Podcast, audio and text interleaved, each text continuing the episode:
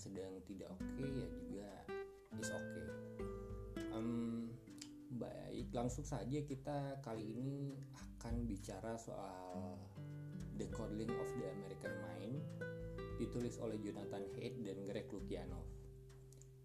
Buku ini berusaha untuk memahami kenapa sih niat baik itu nggak cukup jadi orang kalau niatnya baik tapi gagasan yang dia bawa itu gagasan yang buruk maka eh, generasi di mana mereka hidup itu juga akan menjadi generasi yang buruk dan akan berantakan dan dalam konteks ini Amerika eh, hasil penelitian mereka dari Amerika walaupun beberapa hal di dalam buku ini juga bisa kita angkut untuk kita jadikan bahan atau apa ya kacamata untuk menganalisa bagaimana kondisi yang terjadi di Indonesia belakangan ini.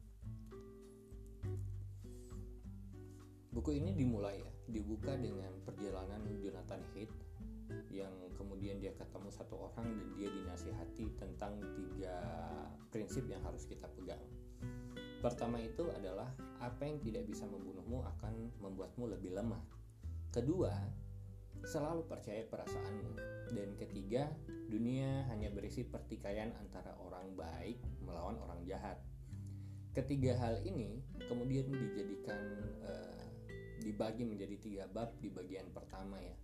Buku ini yang dicoba untuk direkonstruksi kembali oleh Jonathan Haidt dan Greg Lukianov. Gitu.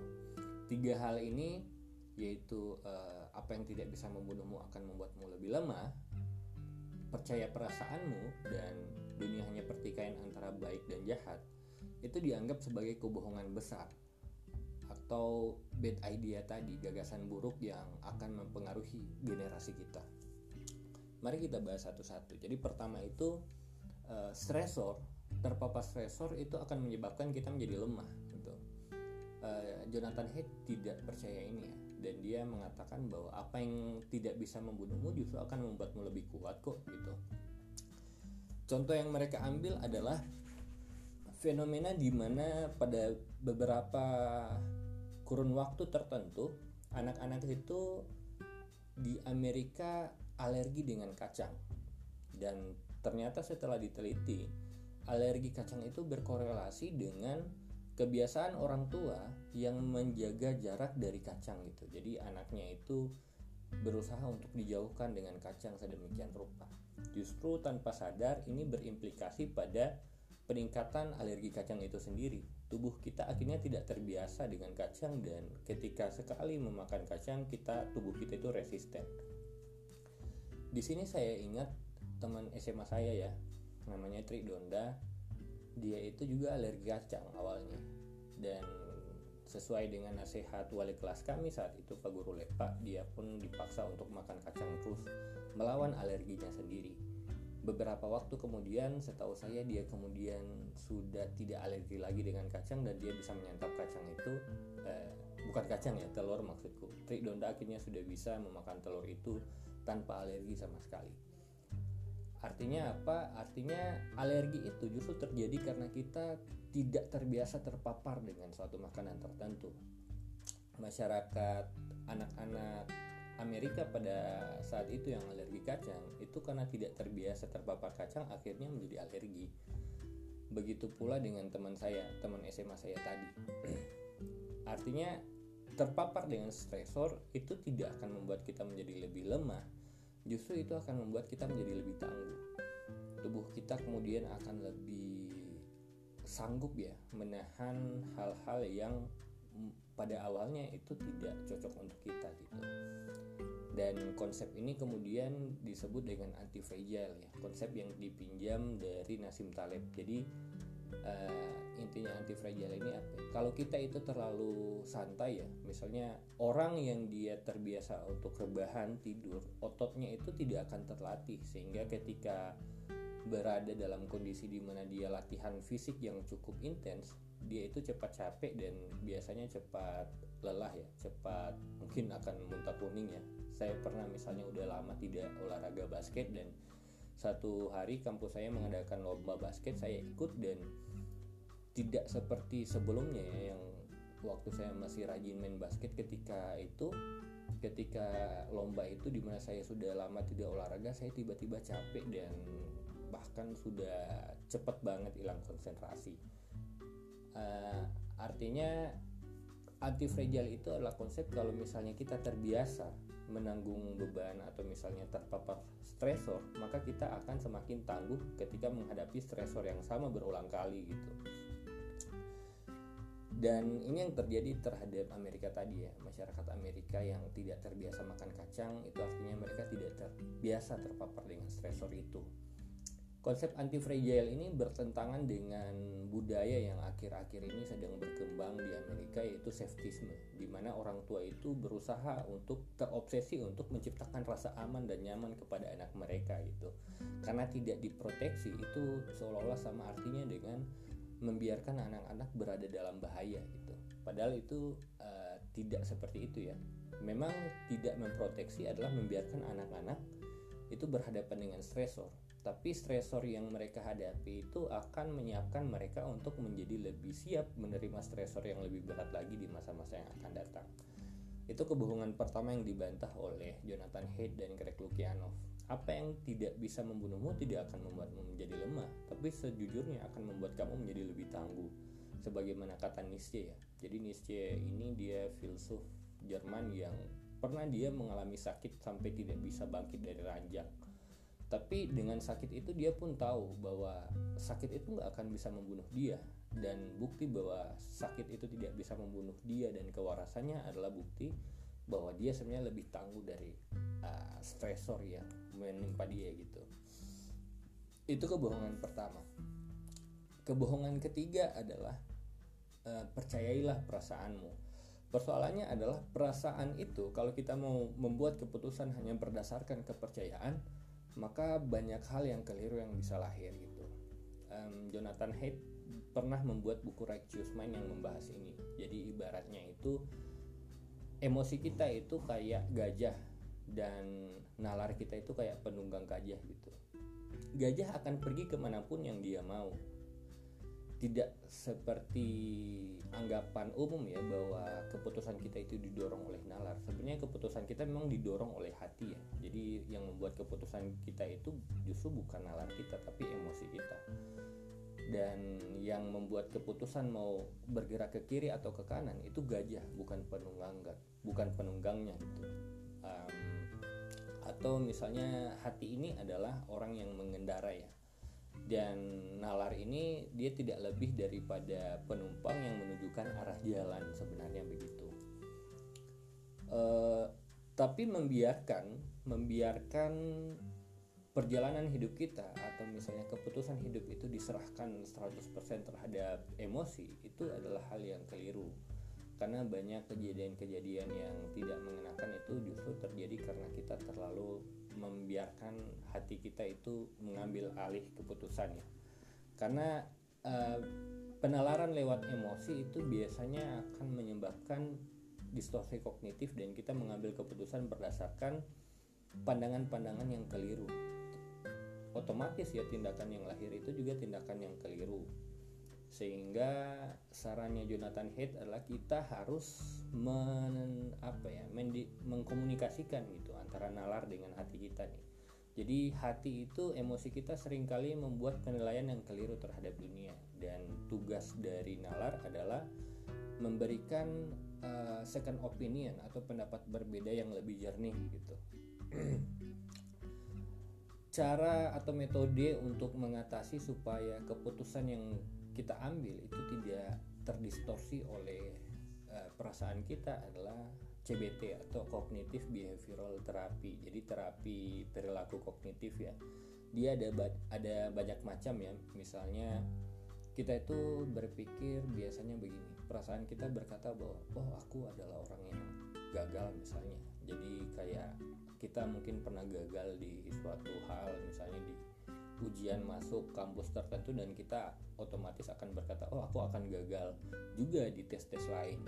Padahal kan belum tentu belum ada fakta yang e, bertentangan dengan itu itu belum ada fakta bahwa kita belum tes di kampus lain dan kita sudah menganggap bahwa kita belum mampu. Gara-gara hanya gara-gara sebelumnya kita tes di kampus A kita nggak mampu gitu. Maksudnya kita nggak lolos gitu. Um, jadi untuk mengatasi distorsi kognitif ini kita perlu melakukan uh, apa ya terapi perilaku kognitif. Jadi caranya itu kita mengambil kertas dan menulis-nulis perasaan subjektif kita apa kemudian kita bantah dengan uh, fakta objektif gitu. Misalnya um, aku mau kencan misalnya dan teman kencanku itu membatalkan rencana kencan kita dan aku langsung mengambil kesimpulan. Perasaanku secara otomatis akan mengambil kesimpulan aku tidak layak berarti dengan perempuan ini. Perempuan ini menolakku misalnya begitu. Tapi fakta objektifnya hanya aku sedih dan karena kencanya batal hanya itu doang. Itu adalah fakta objektifnya itu yang subjektif adalah eh, perasaan emosi yang secara otomatis misalnya aku tidak layak atau aku sudah ditolak. Nah eh, itu yang dimaksud dengan kita jangan percaya bahwa pada perasaan kita di tempat pertama. Perasaan kita itu harus kita uh, komunikasikan dengan nalar kita. Jadi perasaan itu perasaan subjektif yang apa yang kadang suka ngadi-ngadi. Jadi uh, suka ke mana-mana dan terlalu berpikir negatif dan itu memang terjadi secara otomatis. Dan untuk mengatasinya kita harus mengajak nalar untuk memberi nasihat kepada perasaan kita. Jadi uh, itu kebohongan besar kedua ya. Jangan terlalu gampang percaya dengan perasaan. Terus kebohongan besar ketiga adalah dunia ini tidak lebih dari pertikaian antara orang baik versus orang jahat. Um, memang manusia itu adalah makhluk yang senang membuat kategori atau siapa sih kelompokku dan siapa kelompok yang lain gitu. Misalnya begini, ketika kita nongkrong uh, di satu tempat dan kemudian di satu meja dan kemudian ada orang lain yang nongkrong di meja di seberang kita.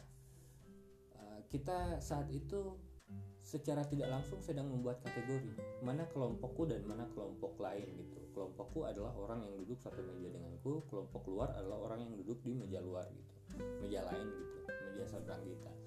Atau misalnya ketika kita di dalam kelas, kita itu terbiasa tanpa sadar membangun kategori kayak misalnya mana anak-anak yang duduk di bagian depan dan mana anak-anak yang duduk di bagian belakang misalnya. Di pengalamanku orang-orang yang duduk di bagian depan itu biasanya orang yang uh, rajin begitu ya dan orang-orang di belakang itu salah satunya aku itu orang yang santai yang usil dan lain sebagainya itu, itu perasaan untuk membuat kategori sosial itu adalah sesuatu yang sangat wajar. Karena otak kita itu memang didesain untuk berkelompok dan uh, apa ya untuk hidup secara kesukuan atau secara tribalistik gitu ya.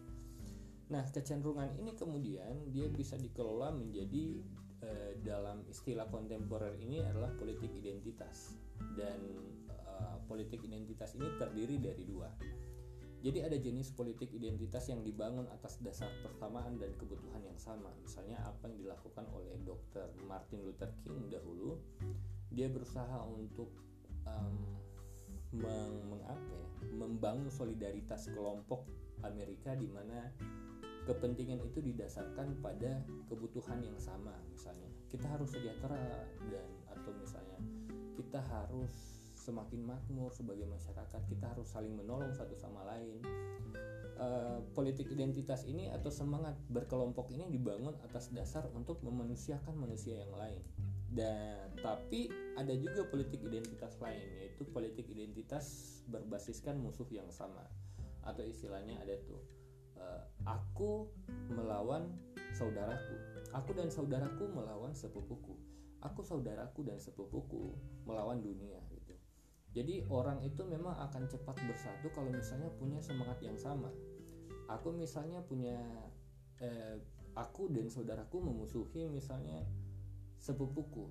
Meskipun aku dan saudaraku adalah musuh juga tapi ketika kami punya musuh yang sama kami tiba-tiba merasa bersatu misalnya begitu dan politik identitas berdasarkan musuh bersama ini misalnya yang dipraktikkan oleh um, siapa ya oleh Hitler misalnya yang menganggap bahwa uh, Yahudi adalah musuh dan tiba-tiba orang Jerman yang non Yahudi kemudian bisa dengan cepat hmm, bergabung dengan gerakan Nazi itu. Di Indonesia misalnya pada zaman Soeharto pernah diadakan persekusi besar-besaran terhadap PKI misalnya. Jadi persatuan itu dibangun atas dasar permusuhan yang sama gitu. Permusuhan pada PKI. Kalau ada bahkan yang mengkritik Orde Baru mungkin akan dicap sebagai PKI walaupun dia mungkin tidak PKI. Dan politik identitas macam ini adalah politik identitas politik identitas yang gampang mengkategorikan uh, orang-orang yang tidak punya musuh bersama itu sebagai orang jahat gitu. Atau di Indonesia pada tahun 2019 kita mungkin pernah dengar istilah partai malaikat dan partai setan di mana orang-orang yang tidak ada di kelompok kita sudah kita kategorikan sebagai partai setan gitu. Nah, ini adalah gagasan buruk ya, gagasan yang menganggap orang yang tidak sekelompok dengan kita itu pasti jahat dan orang yang sekelompok dengan kita itu pasti orang baik. Dan ini sesuatu yang wajar, maksudnya uh, bahwa orang itu senang berkelompok itu sesuatu yang wajar. Tapi ketika perbedaan kelompok itu kita sifatkan dengan perbedaan moral, misalnya orang di kelompok aku itu baik dan orang di kelompok lain itu jahat. Nah, itu yang keliru. Itu gagasan yang buruk yang perlu kita kritik um, dan itu adalah kebohongan besar ketiga bahwa dunia itu merupakan pertikaian antara orang baik dan orang jahat gitu. Nah jadi tadi kita sudah bahas ya ada tiga gagasan dasar yang buruk yang merupakan tiga kebohongan besar yang menguasai banyak lini kehidupan kita. Jadi bahwa stresor itu akan membuat kita menjadi lemah itu sebenarnya keliru. Tubuh kita memang dan manusia setiap manusia itu memang didesain untuk menjadi anti fragile. Kita harus selalu siap dengan stresor ya dan anak-anak yang tidak terpapar stresor itu biasanya akan tumbuh menjadi anak yang uh, tidak kuat gitu. Dan juga yang kedua adalah percayai perasaan kamu. Justru perasaan adalah sumber dari banyak uh, bias kognitif ya dan kesesatan berpikir. Untuk itu kita harus melibatkan nalar kita membantu, untuk membantu menjernihkan lagi perasaan-perasaan kita yang mungkin keliru terhadap dunia. Dan ketiga adalah gagasan bahwa pertikaian di dunia ini hanya terdiri dari orang baik versus orang jahat gitu. Padahal ya Hitler juga merasa dirinya orang baik gitu ya. Tapi eh, niat baik yang didasarkan atas permusuhan atau politik identitas yang berdasarkan common enemy itu punya dampak yang sangat merusak bagi masyarakat kita. Dan apa konsekuensi dari tiga kebohongan besar ini ketika dia dianut oleh masyarakat? Greg Lukianov dan Jonathan Head kemudian menyorot kondisi di wilayah kampus Amerika ya, di mana di wilayah kampus itu sangat banyak uh, dan lalu lintas gagasan soal politik identitas itu menjalar dengan cepat dan sporadis gitu. Jadi kampus bukan hanya tempat untuk orang mengejar kebenaran, tapi pada nyatanya lebih banyak sebagai tempat orang menjalarkan uh, politik identitas yang merusak yang berdasarkan musuh bersama tadi ya. Jadi apa ya banyak diskusi yang eh, orang-orang uh, datang dan berpidato di satu podium dan kemudian muncul gagasan tentang siapa lawan dan siapa kawan dari situ. Siapa musuh dan siapa yang bukan musuh gitu.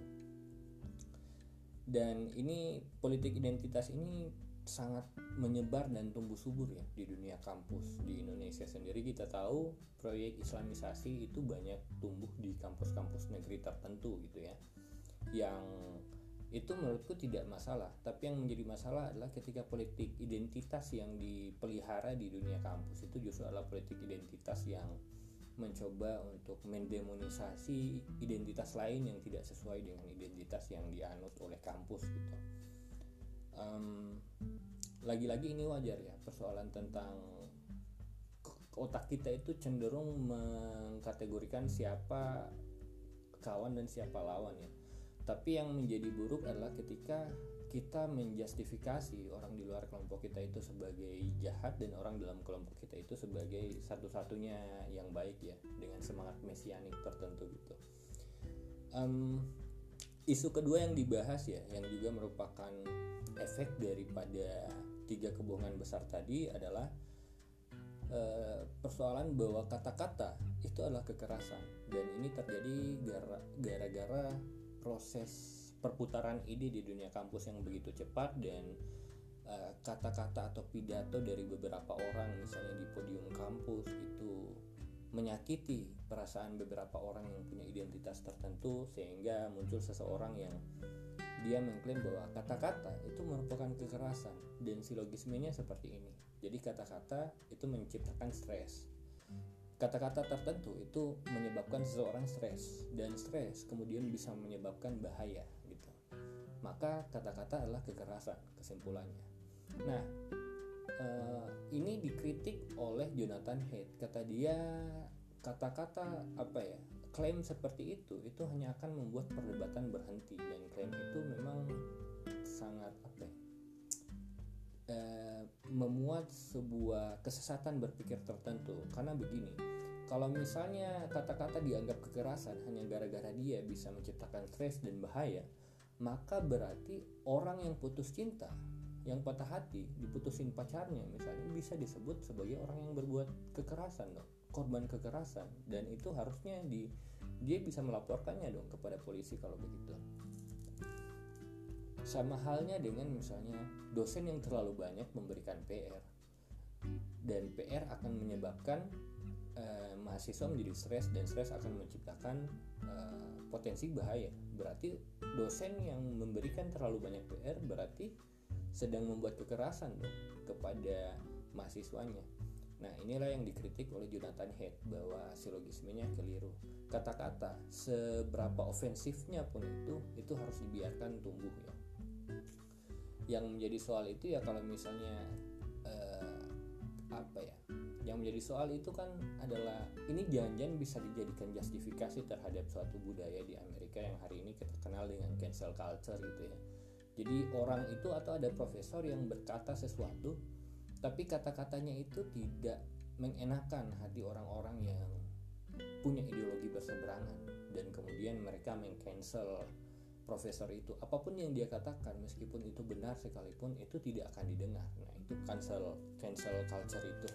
Dan eh, kata-kata klaim bahwa kata-kata merupakan bagian dari kekerasan itu bisa berpotensi terhadap cancel culture tadi gitu. Dan ketika kata-kata seofensif apa pun dia terhadap keyakinan kita itu coba kata-kata tersebut pengen kita buka saat itu proses dialog ya dan dialektika itu tidak bisa berjalan dengan baik. Sedangkan sejarah kita tahu mencapai perkembangannya ketika ada dua hal yang dibenturkan dalam nuansa debat yang tentunya harus sehat ya. Nah ini adalah efek samping ketika ide buruk itu menyebar. Dia bisa menciptakan cancel culture dia juga bisa menciptakan uh, polarisasi politik identitas di kampus.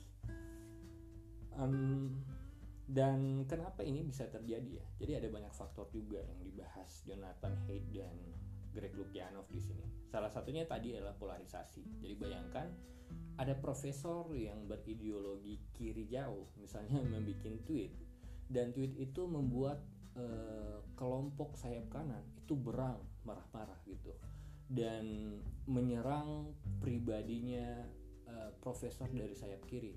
Nah, orang-orang dari sayap kiri kemudian berang juga karena eh, junjungan mereka itu diserang ya secara personal. Mereka pun menyerang balik orang-orang dari sayap kanan dan perdebatan pun terjadi gitu.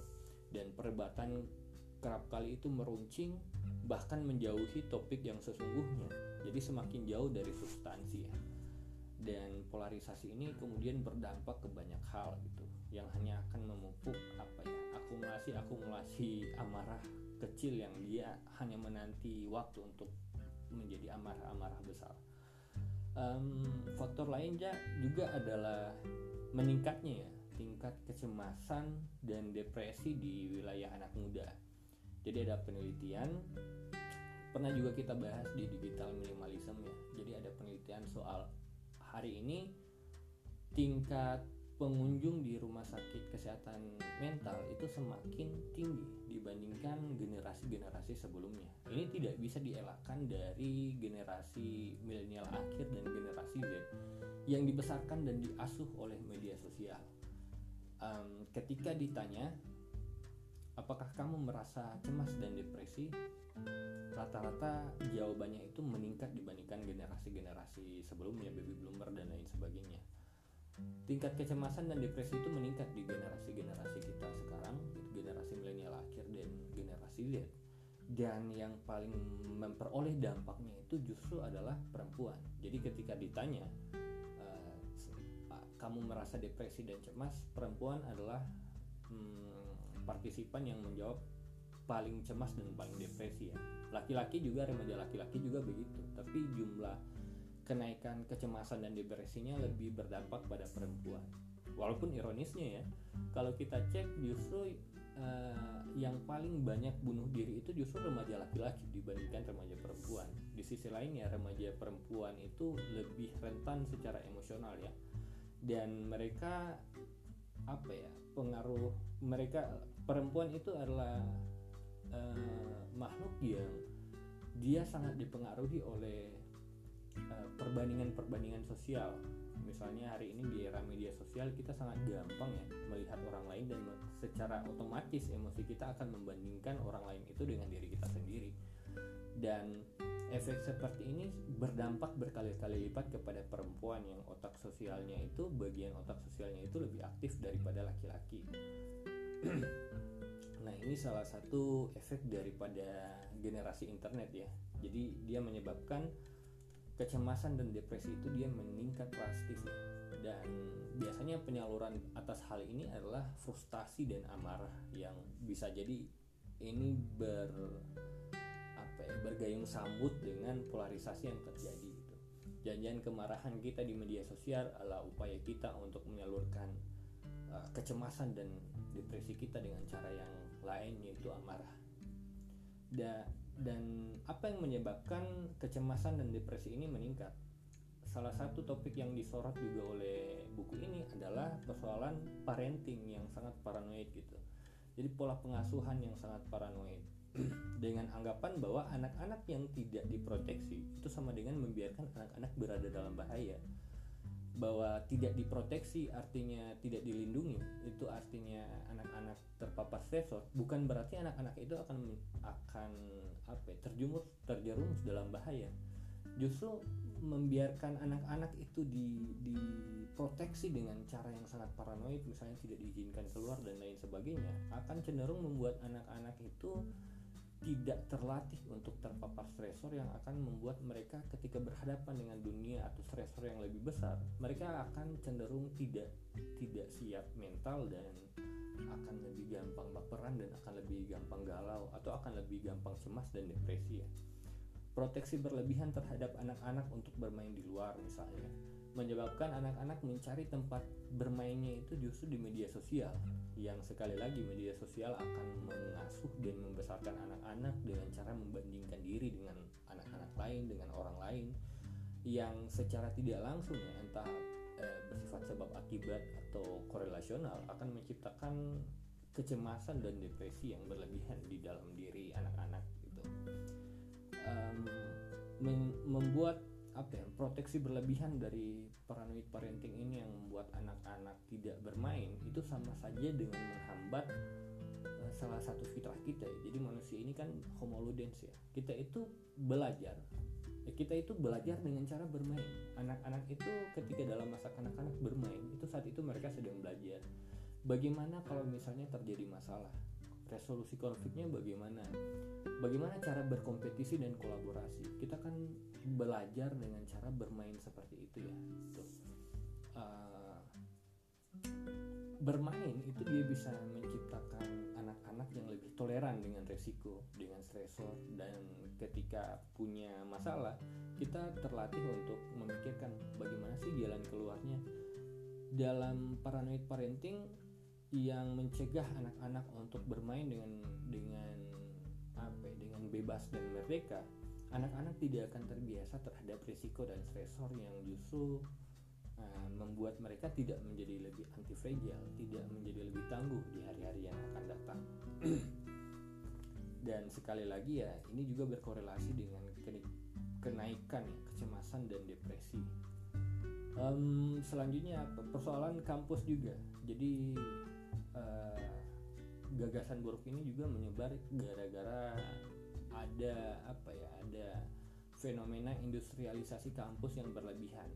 Yang di mana dosen-dosen itu dianggap men-take over tugas orang tua yang paranoid. Sehingga uh, dosen sebagai perwakilan orang tua kita yang paranoid juga menjadi ikutan paranoid dan menciptakan regulasi yang berlebihan yang terlalu banyak dan kita pun akhirnya disibukkan dengan ruang kelas yang beku dan serius. Dan akhirnya uh, kesempatan bermain di wilayah ruang-ruang organisasi kayak organisasi intra dan ekstra itu kemudian menurun ya. Dan apalagi faktor lain yang menyebabkan gagasan buruk ini menyebar lebih banyak itu mungkin bisa kita lihat dari uh, jadi si Jonathan Haidt dan Greg Lukianov ini dia melihat dari tahun 2012 sampai 2018 itu banyak sekali isu-isu politik identitas yang menyebar ya dan menjadi tema besar di tiap tahun gitu ya. Jadi ada tahun misalnya ada tahun di mana Black Lives Matter itu menjadi isu besar yang mempengaruhi banyak sekali lalu lintas isu di Amerika. Ada juga misalnya populisme Donald Trump yang akhirnya menang gara-gara politik identitas yang berdasarkan common enemy, bukan politik identitas berdasarkan persamaan atau kemanusiaan yang sama gitu. Dan ini menunjukkan bahwa Amerika bagi mereka itu perlu untuk lebih didewasakan lagi. Dan mereka kemudian mencari. Caranya bagaimana sih? E, caranya adalah dengan e, pertama adalah dengan membangun model parenting yang baru. Jadi kalau paranoid parenting itu prinsipnya adalah siapkan jalan untuk anak. Model parenting yang baru adalah parenting yang tidak paranoid adalah siapkan anak untuk jalan. Siapkan anak untuk jalanan bukan siapkan jalanan untuk anak. Kita harus percaya pada anak-anak kita bahwa memproteksi mereka bukan berarti mencegah mereka dari bahaya. Kita justru membuat mereka lebih tidak siap menghadapi resiko dan stresor yang lebih besar ketika mereka dewasa nanti gitu. Uh, beberapa tips di antaranya misalnya ajari anak kita untuk ke sekolah sendiri entah itu lewat sepeda atau misalnya Eh, di daerah saya ada bentor ajari anak-anak untuk naik bentor sendiri dan juga um, membantu anak-anak untuk mencari lingkungan bermain di sekitar lingkungan rumah mereka gitu di kompleks mereka gitu. Di dalam sekolah sekolah juga harus apa ya, harus sabar untuk tidak memberikan PR berlebihan terhadap anak-anak pada usia-usia yang baru masuk sekolah ya. Karena itu akan membuat jam bermain mereka itu berkurang. Terus guru juga harus menciptakan nuansa debat yang sehat ya di dalam ruang kelas dan juga menciptakan semacam klub-klub debat begitu agar anak-anak terlatih untuk melihat pendapat dari perspektif perspektif yang berlainan mereka akan menganggap bahwa kalau kita di debat itu bukan karena itu bukan ya apa ya perdebatan itu bukan tentang penyerangan serangan personal tapi tentang uh, saling mengasah ide ide mana yang baik dan mesti diterima oleh orang yang lebih banyak gitu. um, dan juga yang paling penting untuk mendewasakan masyarakat kita adalah kita mesti tahu ya dan mesti sanggup untuk membatasi dan mendefinisikan kembali apa arti media sosial atau apa arti gawai terhadap hidup kita gitu. Um, apalagi ya?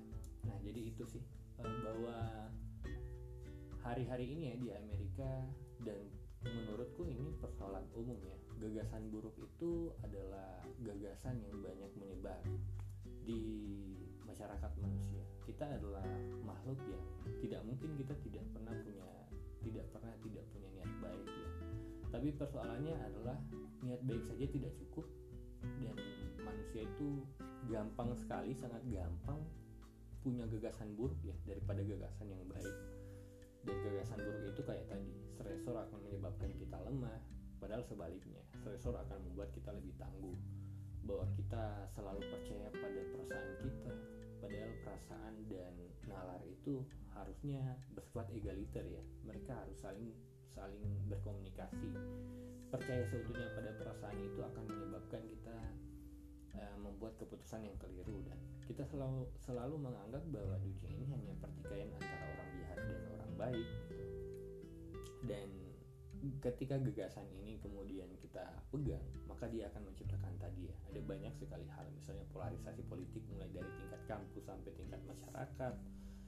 Ada peningkatan kecemasan dan depresi. Ada paranoid parenting tadi. Industrialisasi kampus berlebihan dan politik identitas yang didasarkan atas musuh bersama yang menggeliat di sekitar kita ya, di tengah-tengah kita.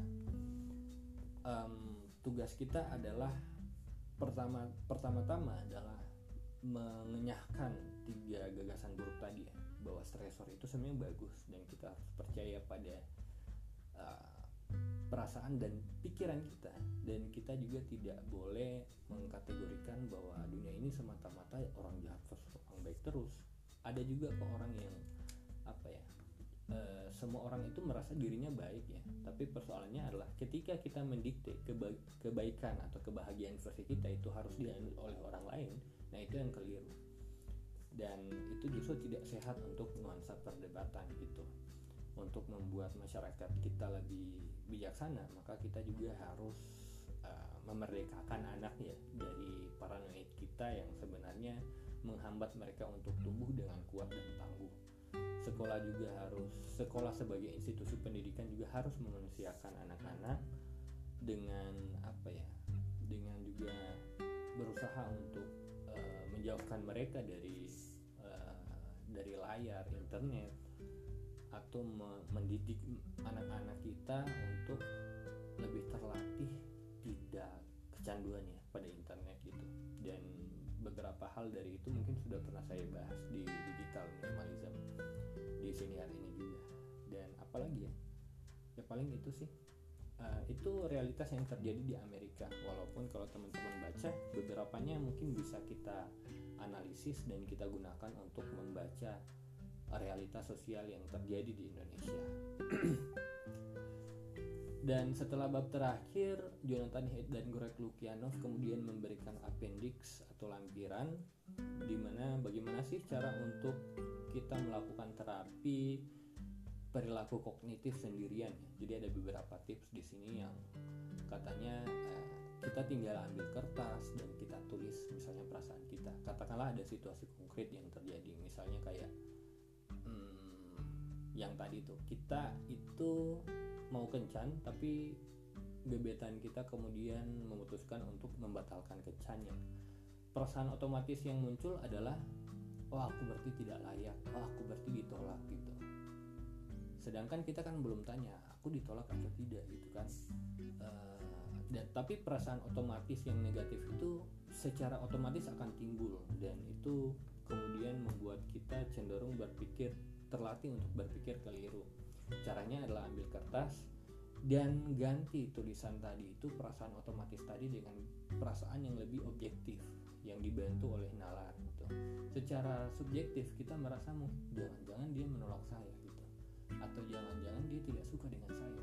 Tapi secara objektif yang kita rasakan hanyalah saya merasa sedih karena kencan kami itu tidak bisa dilakukan sekarang seperti itu ya tulis saja seperti itu dengan begitu kita akan lebih objektif ya menilai perasaan kita sendiri gitu dan apa ya? Dan kemudian kita berikan skor. Kata ini dia uh, dari 0 sampai 10 dia gejolak emosi saya berapa untuk diwakili oleh kata ini gitu. bahwa saya sedih. Jadi uh, apa ya? Dia mempengaruhi berapa persen dari emosi saya gitu. Ada banyak jenis uh, pikiran negatif otomatis ya yang muncul di dalam pikiran kita ketika berhadapan dengan berbagai macam situasi misalnya kita ada istilahnya mind reading ya. Jadi kita biasa ketemu orang dan melihat orang itu melihat kita. Kita terbiasa berpikir jangan-jangan orang ini menganggap aku payah gitu. Atau jangan-jangan orang ini menganggap aku aneh gitu. Jadi itu juga kesesatan ya kesesatan berpikir ya.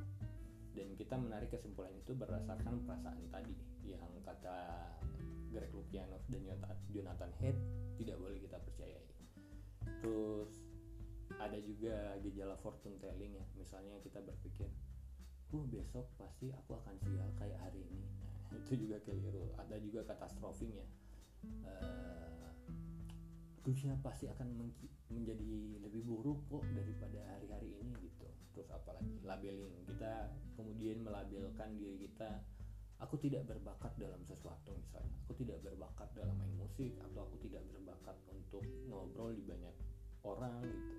Padahal latihan aja belum. Over general over generalisasi juga ada. Misalnya kita pernah dikecewain satu orang dan kita menganggap oh semua cewek sama aja atau semua cowok sama aja gitu. Sama-sama buaya gitu. Atau pemikiran dikotomis yang menganggap tadi dunia ini hanya terdiri dari orang jahat dan orang baik doang gitu. padahal orang baik jangan-jangan orang baik adalah orang yang belum ketahuan jahatnya apa gitu kan terus personali personalisasi misalnya. Uh, katakanlah kita itu hidup di keluarga yang broken home dan kita adalah anak yang menganggap jangan-jangan mereka broken home mereka cerai dan mereka nggak bahagia itu gara-gara saya. Atau ada teman saya yang dia merupakan uh, apa ya orang elit di satu organisasi gitu. Dan ketika organisasi itu tidak beres dia kemudian akan berkata bahwa itu dosa dia jadi seolah-olah apa pun yang terjadi di dunia ini jangan-jangan dosa dia gitu ya. Um, terus ada blaming. Jadi mencoba untuk mencari kambing hitam dari satu masalah gitu. Oh ini semua terjadi gara-gara kamu. Atau ini terjadi gara-gara teman kamu gitu kan. Memang blaming ini dia bisa membuat kita punya sensasi seolah-olah sudah merehabilitasi masalah. Padahal menemukan orang yang bisa disalahkan bukan berarti masalahnya selesai gitu terus ada eh, perbandingan yang tidak adil. Misalnya kita suka membandingkan diri dengan orang lain terutama di era media sosial ya di mana seolah-olah kebahagiaan itu adalah sesuatu yang dikompetisikan gitu. Padahal kalaupun kita mau membandingkan diri satu-satu yang pantas kita bandingkan dengan diri sendiri kan cuma diri kita sendiri doang itu di masa lalu gitu. Terus apalagi nih? Uh, what if? Jadi ada kecenderungan kita memikirkan overthinking duh bagaimana kalau misalnya besok hujan? Duh bagaimana kalau misalnya aku ditolak dan lain sebagainya. Nah ini ada 17 ya. Jadi uh, distorsi berpikir ini ada 17 sebenarnya. Dan ini adalah kata-kata atau pikiran-pikiran yang muncul secara otomatis pikiran negatif yang muncul secara otomatis yang sering mendorong kita membuat keputusan sehari-hari. Dan ini yang berusaha ditolak ya oleh Jonathan Haidt dengan kita justru jangan percaya terhadap perasaan kita gara-gara perasaan kita kebanyakan diisi oleh perasaan-perasaan negatif yang otomatis tadi. Dan untuk mengatasinya kita perlu melakukan kognitif behavioral therapy dan ini bisa dilakukan secara mandiri kok. Kayak tadi kita tinggal tulis perasaan-perasaan kita itu seperti apa dan kemudian kita cari objektifnya itu seperti apa kondisi objektifnya itu seperti apa dan kondisi uh, subjektif atau perasaan otomatis yang buruk tadi itu seperti apa dan kondisi objektifnya kita bandingkan gitu. Uh, ini CBT ini menarik ya menurutku. Kognitif behavioral therapy ini pernah aku tanya juga ke temanku di kuliah psikologi dan uh, katanya ada beberapa buku bagus sih buat itu dan aku juga mencari konon salah satu yang paling bagus itu emotional intelligence ya. Um, siapa sih Daniel Goleman gitu. Dan menurutku ini uh, perkakas yang penting sih ya. Kognitif behavioral therapy ya, di dunia apalagi dunia pasca pandemi yang setelah pandemi kita akan mengalami dunia yang sama sekali berbeda. Terutama kita ya semakin digempur oleh media sosial dan juga uh, banyak hal yang tidak pasti di dalam hidup ke depan gitu um, atau seperti kata stoik ya kita mungkin nggak bisa mengendalikan hal-hal lain di luar diri kita tapi kita kan bisa mempengaruhi pikiran kita untuk setidaknya tidak meminimalisir keputusan yang didasarkan pada um, perasaan-perasaan yang keliru tuh perasaan-perasaan negatif yang yang keliru itu gitu. oke baik sudah lama saya apa berbacot-bacot dan ya paling itu ya. Jadi buku ini yang aku ambil tuh eh, bahwa stressor itu adalah sesuatu yang bagus kok. Dan kita itu jangan percaya 100% pada perasaan kita. Apalagi perasaan yang muncul secara otomatis yang belum kita belum kita periksa ya. Kejernihan dan kebenaran di dalam perasaan itu. Terus bahwa dunia ini tidak terdiri dari baik dan jahat doang kok itu dan bahwa uh, saya juga banyak belajar soal parenting di buku ini dan betapa penting memahami bahwa generasi kita itu lebih gampang baper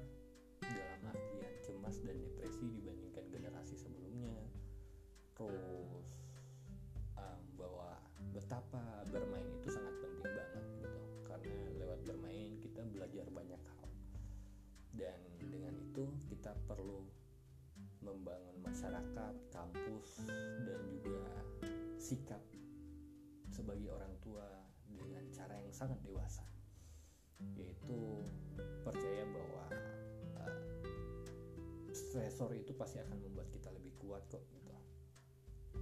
Ya baiklah itu aja ya. Uh, terima kasih karena kamu telah mampir di sini dan selalu sehat-sehat ya di luar sana selalu baik-baik saja dan bye-bye.